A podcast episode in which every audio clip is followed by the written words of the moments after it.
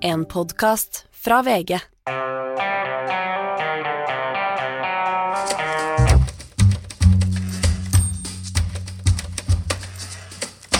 Hadde min datter blitt prostituert, ville jeg gjort alt som sto i min makt for å redde henne. Hadde min sønn blitt journalist, ville jeg ansett han som fortapt, sa Søren Kirkegård. Her er mediebobler med to fortapte menn, Gard Steiro og Anne Skjever. Strålende intro, Anders. Ja, er ikke den, er ikke den? Jo, jo, jo. Har, Faren min var veldig glad i den. eh, jeg har jo en far som er journalist, Ja. så, så han anså vel ikke fortapt, men det er jo andre i familien som har eh, ansett meg som eh, ja, iallfall ikke den mest eh, suksessfulle i familien. Det er en, eh, det er en partykiller å, å fortelle at du er journalist. Først er folk litt sånn hyggelige. Ja, Først sier du at du er journalist, og så sier du at du jobber i VG, og da har du det gående. Ja, ja, bedre kan det ikke bli. Det er premiere på vårt nye mediemagasin, og i den, tid, ja, i den forbindelse har jeg gått til innkjøp av en flaske eh, seminarsjampanje. Eh, Moselle. Se her, ja. Skål, Gard. Skål, Anders. Det er, eh, det er eh, hvit måned og januar, og vi er i gang med en helt ny podkast. Mm. Vi har jo diskutert mye, men dette skjer jo eh, Jeg vil gjerne legge til dette. Du er, denne uka har det vært litt bedre, du har bare jobbet 150% stilling, så da har vi har vi, Har vi? Har vi hatt litt bedre tid med deg? Vanligvis så er du oppe i en 200-250, så det vil variere litt hva vi får til fra gang til gang. Ja, det vil det, og det kommer òg sikkert til å variere litt med nyhetsbildet. Vi får ta det som er aktuelt, og det som eh, treffer oss. Eh, vi kommer jo helt sikkert til å havne i kriser, VG i år, og i problemer og gjøre feil, som er verdt å ta opp her. Eh, og så får vi ta det litt som det kommer. så ønsker vi jo egentlig å ha mest mulig ha gjester eh, av, av forskjellige typer, og nå til premieren så har vi selvfølgelig eh, fått det. Og da er det en glede å kunne ønske velkommen til vår aller første gjest, Simon Valvik. Velkommen! Tusen takk. Eh, du, mange av våre lyttere husker deg nok fra den podkastserien til Alt fortalt som het eh, Stjålet barn til salgs eh, fra tidligere i år. De datakyndige husker deg kanskje fordi du har vært aktiv, eh, en av initiativtakerne bak The Gathering. Ja, stemmer det. Men nå den siste tiden så er du nok aller mest kjent fordi du er manager for sjaman Durek Verrett. Ja, det er også riktig. Og jeg må bare spørre deg av ren nysgjerrighet, eh, hvordan blir man manager for en sjaman?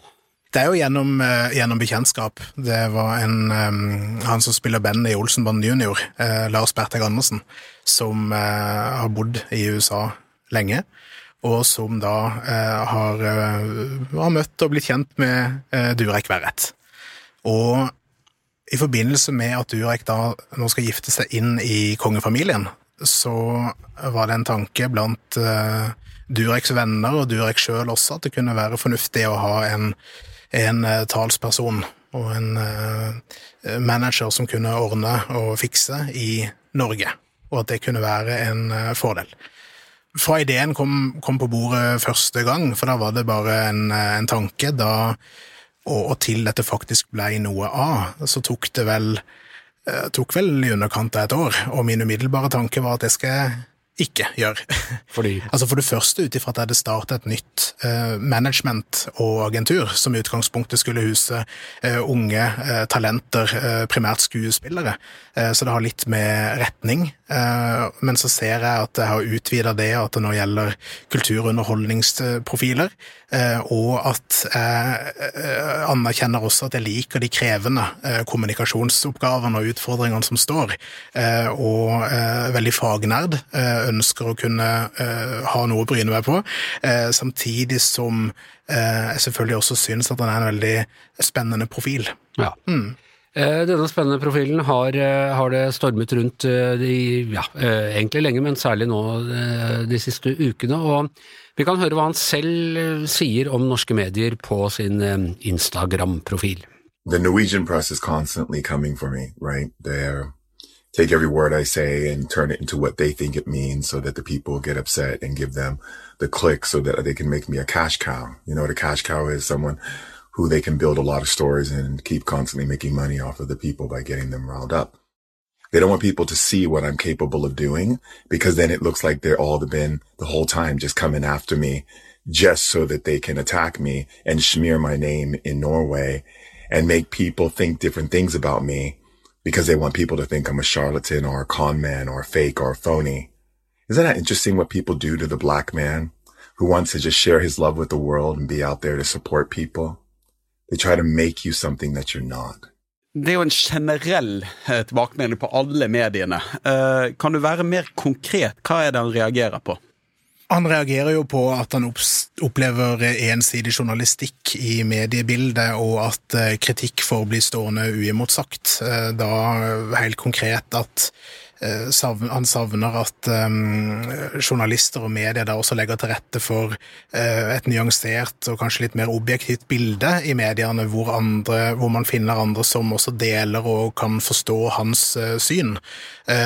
Når man står i en, kall det mediekrise, når samtlige medier ringer og alle ønsker å omtale han og det han gjør eller har gjort, så er det begrensa hvor mye troverdighet det han sier, og hvordan det blir vektlagt og eh, fortolka av eh, leseren til syvende og sist. Da vil, eh, da vil det være bedre, eh, tenker han, om andre, eh, andre stemmer også vil komme, komme, fram og bli et mer nyansert eh, mediebilde. Men han sier jo òg, og det bare lurer jeg på om du mener en enighet at, vi skriver om han fordi at vi ønsker å gjøre han til det han kaller en cash cow. At dette handler om klikk, eller det handler om hans rolle nå som eh, ja, snart ektemann til uh, til Märtha Louise? Sånn som jeg kjenner han og har snakka med han, så tenker jeg at det også er en tabloid fremstilling av, av, av bildet. At han ser og anerkjenner selvfølgelig den rollen og posisjonen han har, men tenker at han eh, likevel ikke skal måtte eh, endre for mye på seg sjøl og stå fast ved sine prinsipper. Og eh, da, da blir det noe prinsipielt, og så kommer det også fram i dette Sånn som i den Instagram-videoen, da, som en eh, litt sånn tabloid fremstilling. For det er klart at klikkjournalistikk har jo også en plass uh, i, denne, i, denne, kritikken. Men uh, Gard, syns du det er en urettferdig kritikk av norske medier at man uh, prøver å tjene penger på Durek Verret? Er det utelukkende samfunnsoppdraget som styrer vår interesse? Nei, altså, jeg tror det er todelt. Eh, jeg tror det er en fascinasjon både hos mediene og hos våre lesere for eh, kongehuset og for deres privatliv. Dette er jo et problem, en utfordring for kongehuset, sant? at de er der, de er der, de er der som privatpersoner eh, også. Men det jeg syns uh, Veret ikke helt tar inn over seg, da, eller kanskje ikke helt forstår, det er at når han gifter seg inn i den familien, og samtidig ikke ønsker å endre noe ved måten han opptrer på offentlig, så, så, blir det en krasj. Og mediene må jo, etter min mening, en kritisk, ha en kritisk journalistikk på, på kongehuset og den utvidede kongefamilien. Så, så, jeg har jo sittet med en følelse at vi ikke gjør jobben vår, da, hvis vi ikke tar tak i eh, de uttalelsene han kommer med i sosiale medier, eller den kommersielle virksomheten han også driver, driver rundt det, han driver, det, det, må vi på en måte problematisere og skrive om. Jeg oppfatter ikke det som Heller ikke som rent sånn klikkjournalistikk, det som drives. Jeg oppfatter det som ganske kritisk, kritisk journalistikk. Har Verret forståelse for det uh, Gard sier, at han nå går inn i den norske kongefamilien, og at da blir alt han sier og gjør offentlig av interesse for uh, offentligheten? Eh, ja, det, han, det, opplever jeg at han har eh, stor forståelse for. Eh, og så er det da igjen dette prinsippet om at han likevel ikke skal trenge å endre på eh, sin egen tilnærming og kaste eh, sine egne prinsipper på, på, sjøen i, i, den forbindelse, men likevel kunne være den han er fullt og helt ut som et individ. Og der går det jo et skille. for det at hvis du skal si at det er et poeng her i kritikken hans, så er det jo at han må få lov å utøve sin tro og sin overbevisning uten at mediene skal problematisere det. Det mener jeg ville vært galt om vi hadde gjort. Men utfordringen er jo at, at Verret gjør ikke bare det. Han driver en virksomhet der han har solgt medaljonger som han, har, han mener har en helbredende kraft. Han kommer med en del offentlige uttalelser om hvordan man kan forebygge selvmord og, eh, og helbrede en del lidelser, da, som, ligger, som det er klart at det er nokså spesielt i utgangspunktet, men veldig spesielt når det kommer fra en som blir knyttet til den norske kongefamilien. Fordi altså, Går du ned på Tannum på Karl Johan, så har de jo en egen øh, avdeling fullt av den type stoff. Det er jo det er jo en egen hva skal si, sjanger innen nyreligiøsiteten. Så, så, sånn sett så er det rart, men kanskje ikke oppsiktsvekkende. Nei, det er, det er, veldig uvant for kongehuset, da. Eh, men det er klart at spiritualisme og, og Nå er vel sjamanisme ganske, ganske lite av i Norge, men det er jo ikke noe Det å ha en tro og en overbevisning er jo ikke noe kritikkverdig i seg sjøl. Men det er klart at hvis du er en del av en sånn familie og bedriver dette, så må du jo mener det må kunne håndtere en debatt om det. Det jeg kanskje sånn stusser mest over i kritikken hans, det er det Eller jeg kan spørre om det er riktig forstått, da. Altså, mener han det ligger en undertone av rasisme i dette fra norske medier? Durek er oppvokst i USA og har sin uh, opplevelse av det, og har kjent og følt på rasisme, og har nok et annet utgangspunkt og en uh, varsomhet på, på, å identifisere rasisme. Og så uh, opplever jeg også at han møter rasisme i Norge, men å si at måten media behandler han på er rasistisk eller har rasistiske motiver og drar alle under én kam, eh, tenker jeg nok er en, eh, nok et eksempel på en tabloid fremstilling som nok ikke gjelder alle. Det iallfall kjenner jeg meg virkelig ikke igjen i. Mm. Jeg, jeg opplever at grunnen til at han blir utsatt for kritisk journalistikk, akkurat som hans fremtidige kone har blitt utsatt for ganske mye kritisk journalistikk, er at de bryter med litt av forventningene til, en, til kongefamilien. Men mye av debatten har vært drevet har handlet om deres kommersielle virksomhet, mm. og om en del av holdningen og det de gir uttrykk for offentlig, er forenlig med det å ha de posisjonene. Så jeg, bare, jeg, er litt spent på hvordan dette egentlig skal gå. For at jeg merker med, altså jeg, jeg, tror at VG og de aller fleste medier kommer til å drive kritisk journalistikk mot Durek Verret også framover. Mm. Og så er det allerede så anspent nå. Eh, så hvordan, hvordan, skal dette, hvordan skal man eh, klare å finne en måte der man kan kommunisere og respektere hverandres roller framover her, da? Du er jo inne på det jeg tenker, altså På samfunnsperspektiv, samfunnsnivå, så tenker jeg i samfunnsdebatten at det handler om to ting. Det handler om balansen mellom å la individer ha rett til privatliv kontra å belyse deres aktiviteter som offentlige personer når det er allmenn interesse, og balansen mellom å ha toleranse for individualitet kontra å ha eh, krav om konformitet, særlig i konteksten av at kongefamilien er symbolene på det er, erkenorske. og da eh, tenker jeg at det er grunnlaget, eller bør være grunnlaget for alle de etiske vurderingene som gjøres. Eh, men da blir det også, ligger jo i sakens natur at det også blir veldig eh, komplekst å navigere i. Og dette er veldig vanskelig å ta til orde for og kommentere på eh, i eh, tabloide medier når, når det stormer. Eh, man trenger et format som ikke er eh, ren altså underholdningsmedier eller rampelysredaksjoner. Eh, man trenger et eh, eget format hvor man får mulighet til å snakke ut om det, sette det i kontekst, og man trenger å si både A, B, C, D, E, egentlig hele alfabetet, og ikke bare stykker og bruddstykker. Men har du vurdert tanken på at kanskje ikke kritikerne er emosjonelt styrte. Kanskje de bare er rent rasjonelt helt uenige med han. At, jo, at, det er, at, det er, bare mm. det, er det. Altså, dette handler ja, ja. egentlig ikke om verken om, om tabloidjournalistikk eller klikkjournalistikk. Det handler om rett og slett at man er Man reagerer helt, helt saklig på mm. det han hevder uh, offentlig. Mm.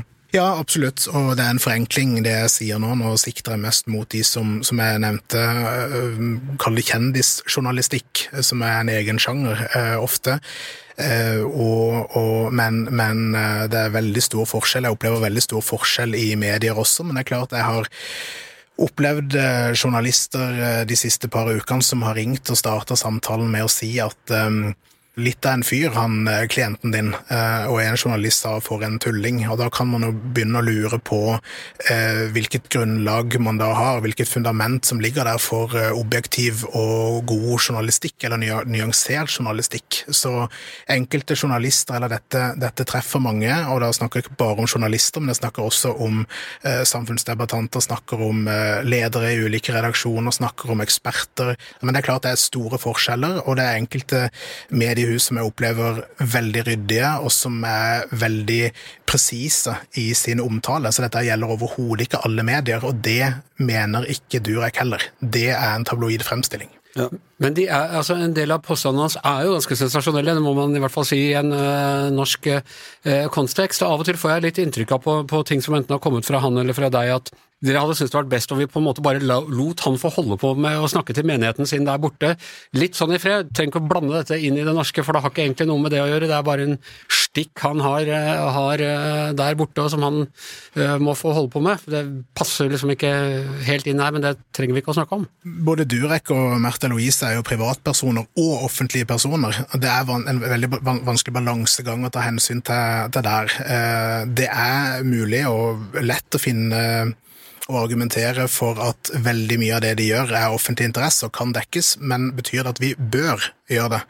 Eh, det at vi hele tida, det hele tida oppstår en debatt om giftermålet fordi Durek er ikke konform, eh, at det er problematisk og oppleves som, altså det oppleves som gjentatt og en invaderende inngripen i retten til privatliv. Og eh, dette tenker jeg at medlemmer om kongefamilien også har ytra seg om før. Märtha Louise har vært veldig tydelig ved flere anledninger, mediedager i Bergen og Scoop, Scoop-prisutdelinga, og ytra at hun har opplevd sitt forhold til presten som veldig invaderende hele sitt liv. Hun er også sånn sett da ikke konform i sine overbevisninger i den konteksten, og hadde, eh, hadde, et utgangspunkt da hvor hun ikke tok aktivt valg om å være en offentlig person, eh, sånn i utgangspunktet. Så kombinasjonen av dette har skapt veldig mange oppslag på hennes bekostning, og hva er den offentlige interessen som rettferdiggjør dette? Og det må jeg jo nesten spørre dere om. Jeg syns ikke det er så vanskelig. Nei, det opplever jeg ikke er så vanskelig. Hvis vi begynner med Nå skal ikke dette handle så mye om Märtha, men hun har jo kritisert pressen, og det har jo òg pressen på en måte tatt sitt selvkritikk på, det, men det ligger en del år tilbake, mener jeg, der man virkelig Men det var jo en episode her i fjor hvor hun rykket ut og, ja. og kritiserte, og da var det ganske kraftige reaksjoner fra pressen, og Redaktørforeningen sa at kritikken hennes var farlig. Og... Ja, men det tror jeg var Den kritikken kom jo ofte på at hun, øh, så vidt jeg øh, forsto iallfall den kraftige responsen, så ga det jo på at man nærmest mente at, at det som skjedde med Ari Behn, at mm. mediene hadde et ansvar for det. Men, men hun presiserte i den samme at ja, det jeg. hadde det, det, det. det, er riktig. Men der man kan se på når det gjelder Mette Louise, som jeg synes har vært, uh, som har vært tankevekkende Hvis du går tilbake og leser en del av dekningene hennes da hun var ung, der mener jeg at uh, mediene i for liten grad respekterte at hun hadde krav på et privatliv. Der tror jeg vi håper jeg vi har lært en del. Jeg opplever at mediene har et litt annet nå um, De fleste iallfall har en litt annen innfallsvinkel til nå barna. Både til barna til uh, kronprinsen og barna til Märtha Louise. Der er man mer tilbakeholdne. Men det er jo et dilemma, da. Iallfall to av barna til Märtha søker jo offentlighet, er blogger og influenser og går og stiller opp i TV. Og det er jo òg utfordringen til tenker jeg til Durek Verret, er at han søker så til de grader offentlighet.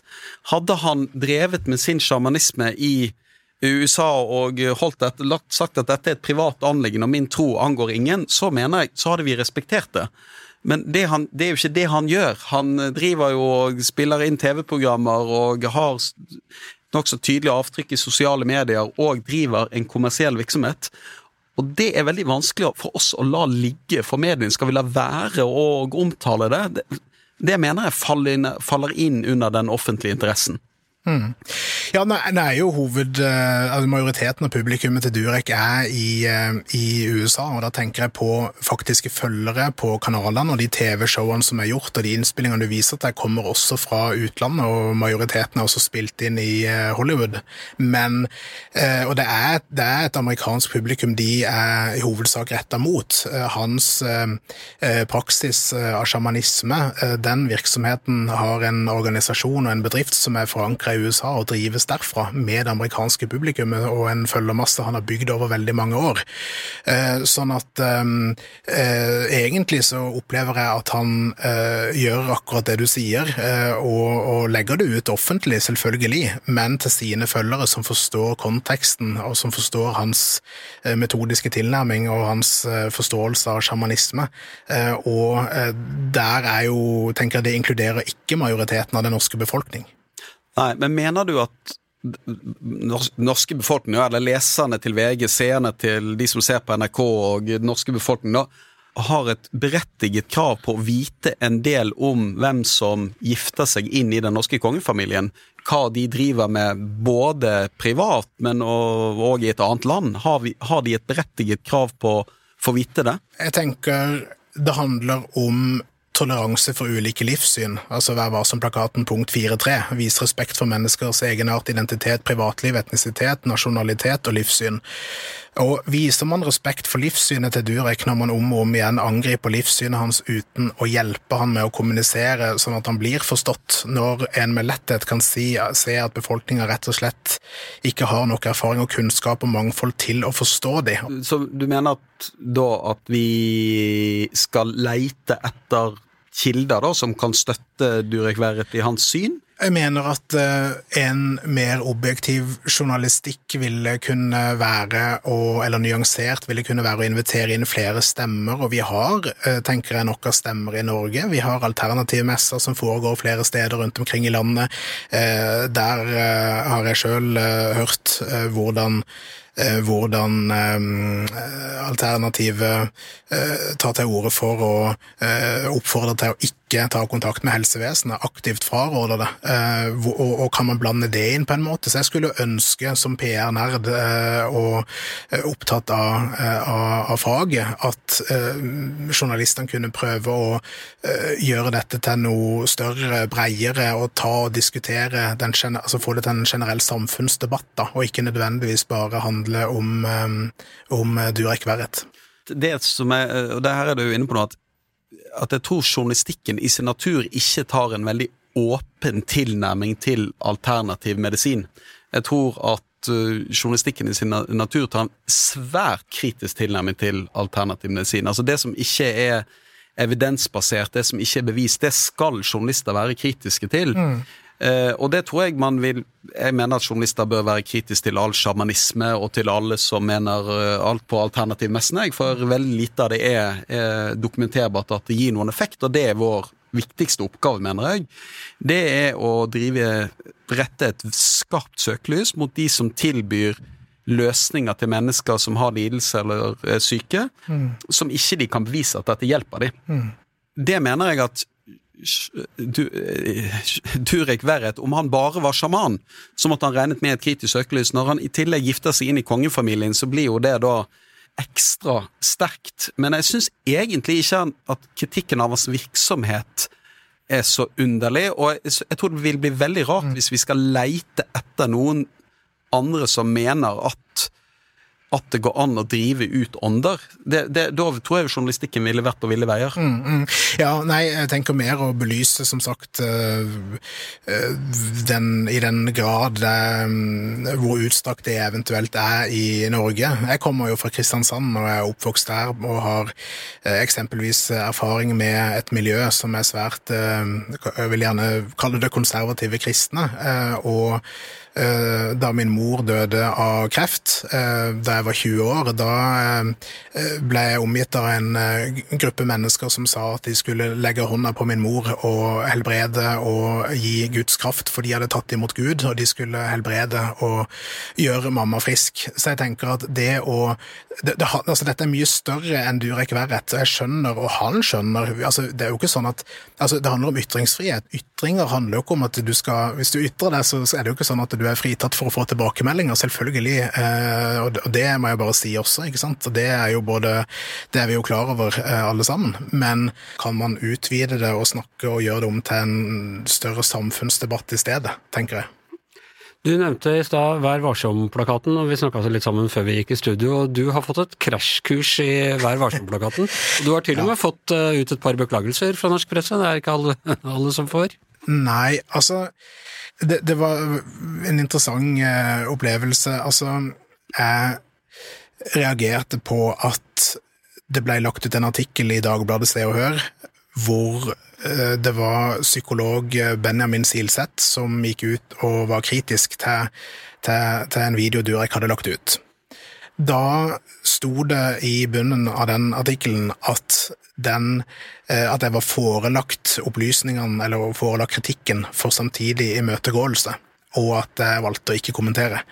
Eh, og da eh, kritikken var alvorlig, og det kom veldig tydelig fram i artikkelen at redaksjonen vurderte at det var såpass alvorlig at det var samtidig imøtegåelse, men måten de hadde prøvd å komme i kontakt med meg, det var via én e-post.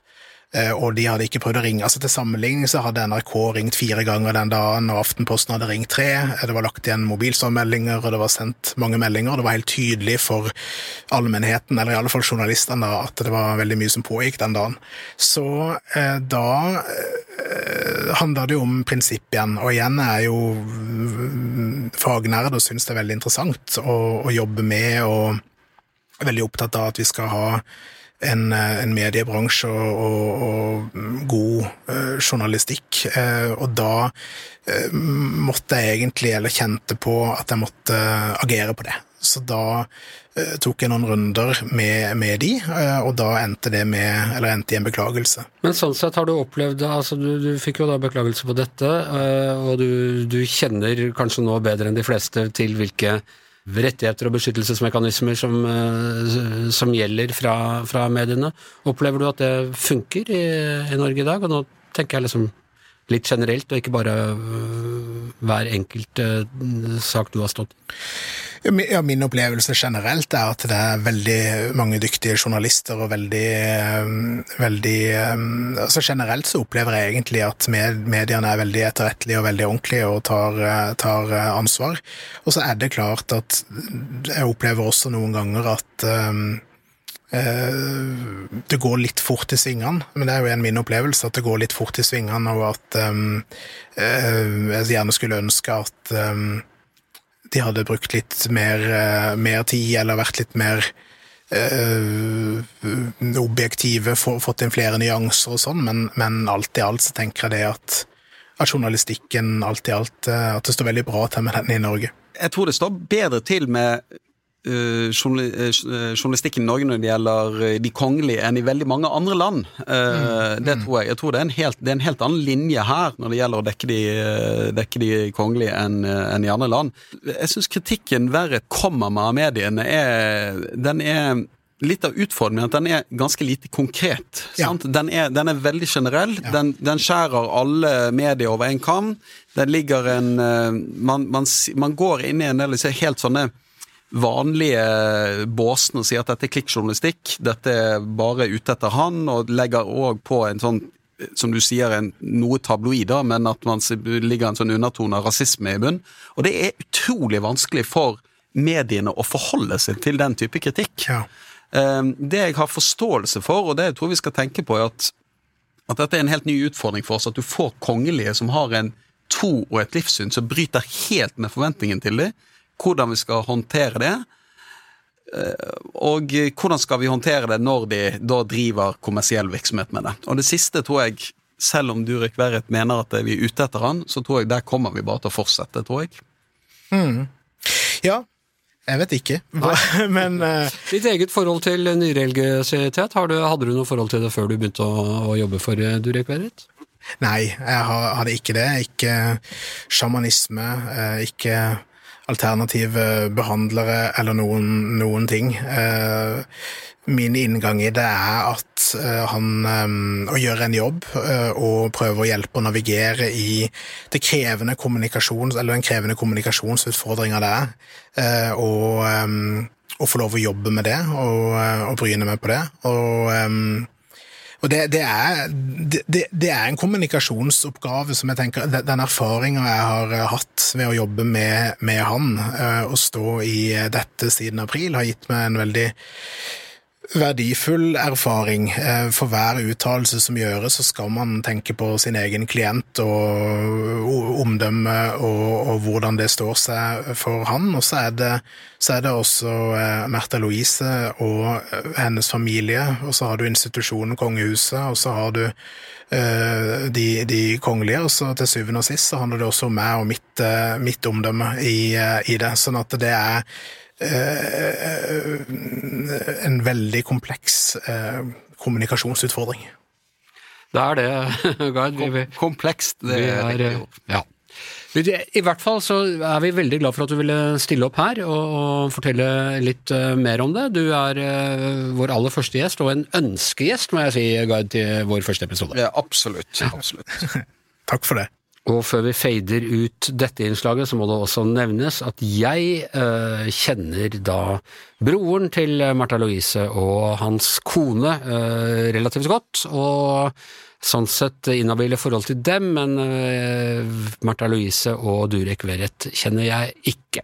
Og dette har du, eh, Anders, redegjort for overfor meg og for våre lyttere flere ganger, så dette er noe kjent for offentligheten. Det er kjent for offentligheten. Jeg føler at det er litt som Landsvik-dommen til Hanna Kvanmo, den må tas opp med jevne mellomrom. Da, Gard, da tenkte jeg vi skulle prøve å teste noen av, av eh, de spaltene vi har tenkt å prøve å innføre. Og vi er jo veldig lyst på respons. Det er ikke sånn at vi egentlig trenger å gå ut og be om respons, for vi, særlig du får respons absolutt hele tiden. Hele tiden. Altså, det, livet mitt består av å få respons, egentlig. Og eh, mest kritikk, skal sies. Eh, Men eh, Hvor får du mest respons? Er det på mail? Er det på ja, mest på, mest på mail. Noen ringer meg faktisk opp, så jeg får av og til sånne telefonsamtaler. For du står i katalogen? Ja, det eh, det gjør jeg, og så jeg får noen telefoner innimellom. Veldig mye mail. Og så i ulike sosiale medier så sporer folk meg opp og, eh, og ta kontakt. Og så får jeg noen fortsatt en del håndskrevne brev. Ja. Blir du noen gang uh, sinna og svarer sånn, og så angrer du etterpå?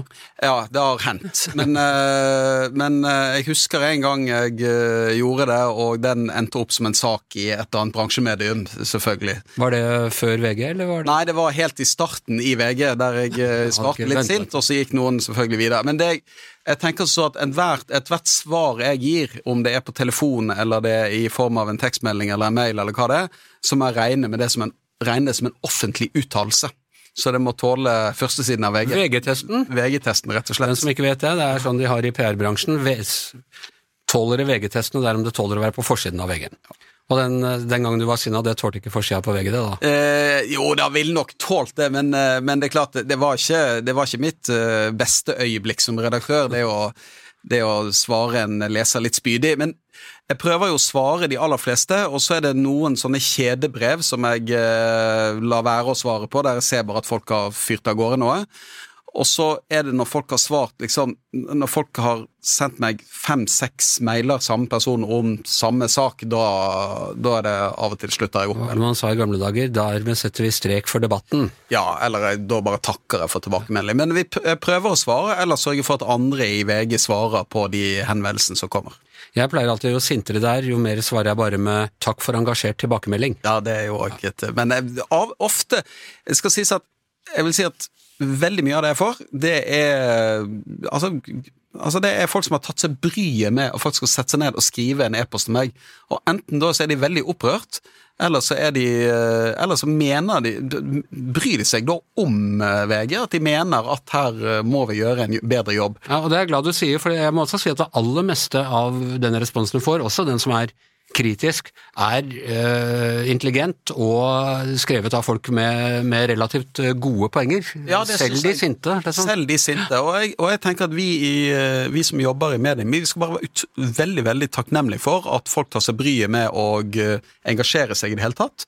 Og de som er så engasjerte at de da gidder å bruke en time eller bare et kvarter på å sende oss en konstruktiv og kritisk tilbakemelding, den type debatt det skal vi bare ta imot med åpne armer. Har du noen respons å dele denne uka?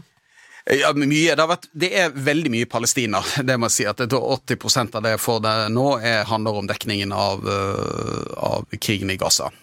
Men eh, apropos gjesten vi har hatt, så syns jeg det var en interessant eh, jeg fikk her.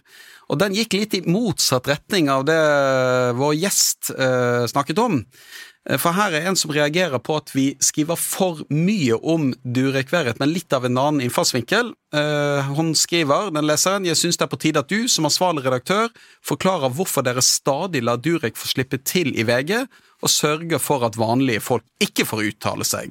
Så her mener man, eh, denne leseren mener at vi her da rett og slett lar Durek få fritt spillerom i media, mens vi nekter andre å slippe til med annen type Men han oppfatter det som når vi refererer Dureks utspill, som om vi har sluppet ham Ja, altså det, det, og det er en del som mener det at uh, det, altså det som jeg oppfatter kritikken her, er jo at vi, vi, vi, lar, vi respekterer ikke Durek Verret sitt uh, Respekterer ikke hans rett til å drive sin virksomhet og hans privatliv. Og så denne leseren, som uttrykk for, tror jeg det er flere som gir uttrykk for, det er at de er bare lei av å høre om Durek Verret. De mener at det fins viktigere ting i verden enn å skrive om han, så la det oss få slippe, og at vi egentlig bare driver en form for promotering av Durek Verret sin virksomhet ved å skrive om han. Man kan jo selvfølgelig også forstå uh, at hvis du liksom bare sitter og scroller på VG hele tiden, så ser du å, nå sier De- eh, Durek Verrett noe igjen, hvis du, så kan du få inntrykk av at det kanskje bare er noe vi eh, viderekolporterer, og ikke, hvis du ikke følger alle linjene bakover, skriver, sier Durek Verrett på sin Instagram-profil, som var først gjengitt i Dagbladet, altså. Ja, og, det, så er det jo sånn Det er Dette med Durek Verret kommer litt i bølger. Det har egentlig ikke vært så veldig mye dekning av han i det siste, men nå har det kommet mye nå, og da skapes det debatt, og akkurat da så blir det mye. Og det, eh, det er jo det mange opplever som en mediestorm. Sant? Altså, enkelte er jo være vant til å bli omtalt i mediene hver uke og få kritikk hele tiden, mens noen blir omtalt i en kort periode, men da kan det bli veldig massivt. Og det er det vi av og til i mediene ikke forstår, er hvordan denne korte perioden med så massiv dekning i alle medier, med masse kritikk, selv om det, hvis du sprer det tynt utover, blir ganske tynt, så kan det oppleves veldig tungt for de som får den mediedekningen. Ok, eh, du fikk altså ikke bestemme navnet på podkasten, men jeg tenkte du skulle få en egen spalte med det navnet. Se her, ja. Her singla det godt i glasshuset, og da tenkte jeg egentlig vi skulle ta opp sånne uh, små feil vi har gjort, innrømmelser av feil vi har gjort, og her er en jeg har plukket opp, jeg så det ikke selv, men plukket opp fra, fra sosiale medier, og jeg skriver den i trygg forvissning om at det, det godt kunne vært skrevet av meg på en litt stressa uh, kveldsvakt. Det var om all snøen som har falt i Kristiansand denne uka, intervju med en meteorolog. Så skriver VG han sier det kan komme opp mot 65 millimeter snø i Kristiansand. Dette tilsvarer rundt 65 centimeter, godt over en meter med snø. Du vet, Det er en stående vits her uh, i VG, det at når, når, når folk sier hysj, desken regner, og det er altså det at på uh, journalister flest er ikke veldig gode på tall. Nei, det er, eh, det er mange morsomme eksempler på det. Det kan vi alltid i denne spalten uh, ty til når vi, når vi trenger noe. Her er det altså vært eh, meningen å si at eh, eh, 65 millimeter med nedbør uh, tilsvarer uh, over en meter med snø, og så blander man inn, inn noen millimeter der også, men eh, det ble rettet ganske kjapt. Det Det er er det fine med, med internett, det Ja. at man kan rette ganske kjapt. ja, og så er vi veldig ordentlige, og så skriver vi i bånn at i en tidligere utgave av denne saken så skrev vi at og så sånn. Alle feil skal være synlige, vi skal ikke Til gjemme dem. evig tid skal disse feilene forfølge oss. Eh, og med det så er vi ferdig for i dag. Ikke ålreit dette her, eh, Gard? Det var en eh, fin start, eh, Anders. Ja. Så gleder jeg meg til å møte deg igjen ukentlig framover. Ja, det skal vi. Vi har plotta inn eh, faste tider, så håper jeg bare at du kan på alle de tidene. Og dermed så er det over for i dag. Tusen takk til Simon Valvik, tusen takk til Gard Steiro, jeg heter Anders Giæver, og vår faste produsent er her, som i Giæver og gjengen, Magne Antonsen.